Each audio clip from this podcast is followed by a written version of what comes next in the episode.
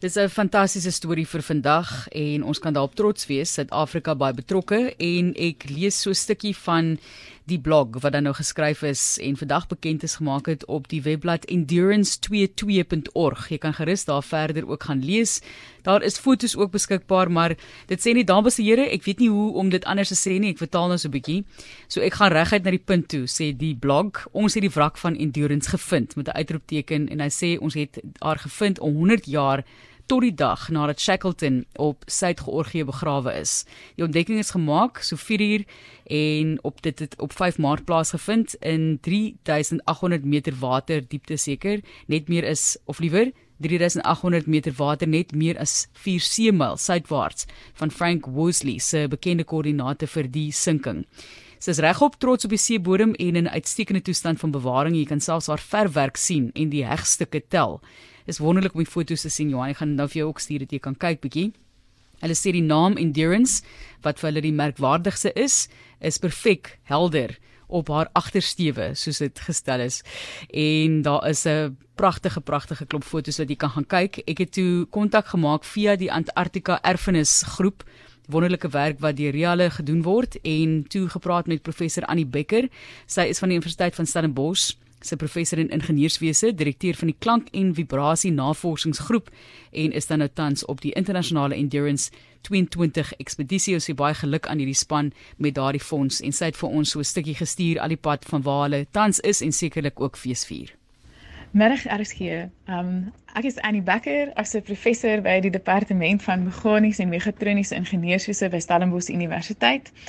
En uh, my navorsing gaan oor uh, die vibrasie van die SA Agulhas 2. En op die oomblik is ek aan boord hierdie skip um, in die middel van die Suidsee um, op pad na South Georgia eiland toe. Um ons ekspedisie het op 5 Februarie vanaf Kaapstad vertrek en gepoog om die verlore wrak van Sir Ernest Shackleton te vind. Uh, dit het in die middel van die Weddell See, so dit is soort van um 'n baai naby die westelike skiereiland van Antarktika het dit gesink. Uh, dit die skip is vasgedruk deur klomp uh, see-ys en het gesink tot by 3000 meter diep. Um soos tot op die seebodem.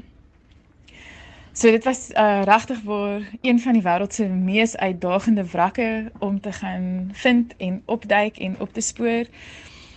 En ek is baie bly om te kan deel dat uh op 5 Maart, omtrent 'n maand nadat die ekspedisie die hawe verlaat het, het die duikrobotte wat ons aan boord het, um hierdie wrak gevind. So dit is 'n ongelooflike opwindende ervaring. Um en amper asof mense jouself wil knyp want jy kan nie glo dat jy so 'n groot stuk geskiedenis deurleef nie. Wie die storie van Shackleton um is eintlik 'n ongelooflike oorlewingsstorie van 27 mans wat um, op hulle in hulle skip vasgedruk is, later op die ys gekamp het, later met reddingsbote um oor die ys gesleep het um, om te probeer om uit die kloue van die omgewing te ontsnap. En hier in kontras is die wrak van die Endurance nou op die seebodem. En uh, daar's eintlik geen uh, menslike artefakte wat oorgebly het nie, want alles is saamgeneem om hulle oorlewing te bewerkstellig. Um die selfs die letterwerk, so die 5-punt ster, die naam van Endurance in brons is agter op die skip en is ongelooflik treffend. En terselfdertyd uh vir my en my ingenieurspan van Stellenbosch Universiteit is dit ekstra spesiaal veral omdat die SA Gallus uh die fokus is, so die skip wat ons geneem het tot hier is die fokus van ons navorsing. En um, ek was ook 10 jaar gelede um, daar gewees toe die SA Gallus vir die eerste keer in die ys getoets is. En ek dink um, vir almal van Suid-Afrika wat betrokke was by hierdie skip op daardie stadium um, kan mens regtig waar nie vir veel meer van 'n bereiking hoop. Jy weet ek kan nooit hoop dat die skip wat daar ontwerp en gebou is vir ooit groter diens kan lewer um, as op hierdie ekspedisie nie.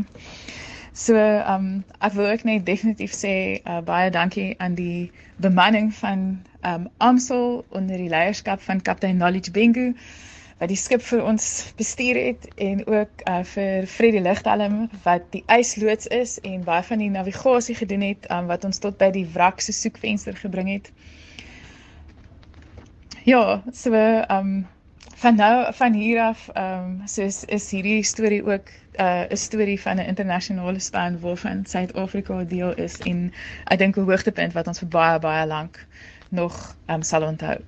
Wat 'n fantastiese storie en baie dankie dat sy so spoedig my kon antwoord. Ek het vanoggend op pad werk toe het ek so met stemnotas gewerk om uh, met haar kontak te maak. Die internet is nie altyd daar uh, baie maklik om mee te werk en toeganklik nie. So ons het gewerk so op 'n stemnota, maar baie dankie weer eens vir die wonderlike inligting en baie geluk die endurance wat dan nou gevind is.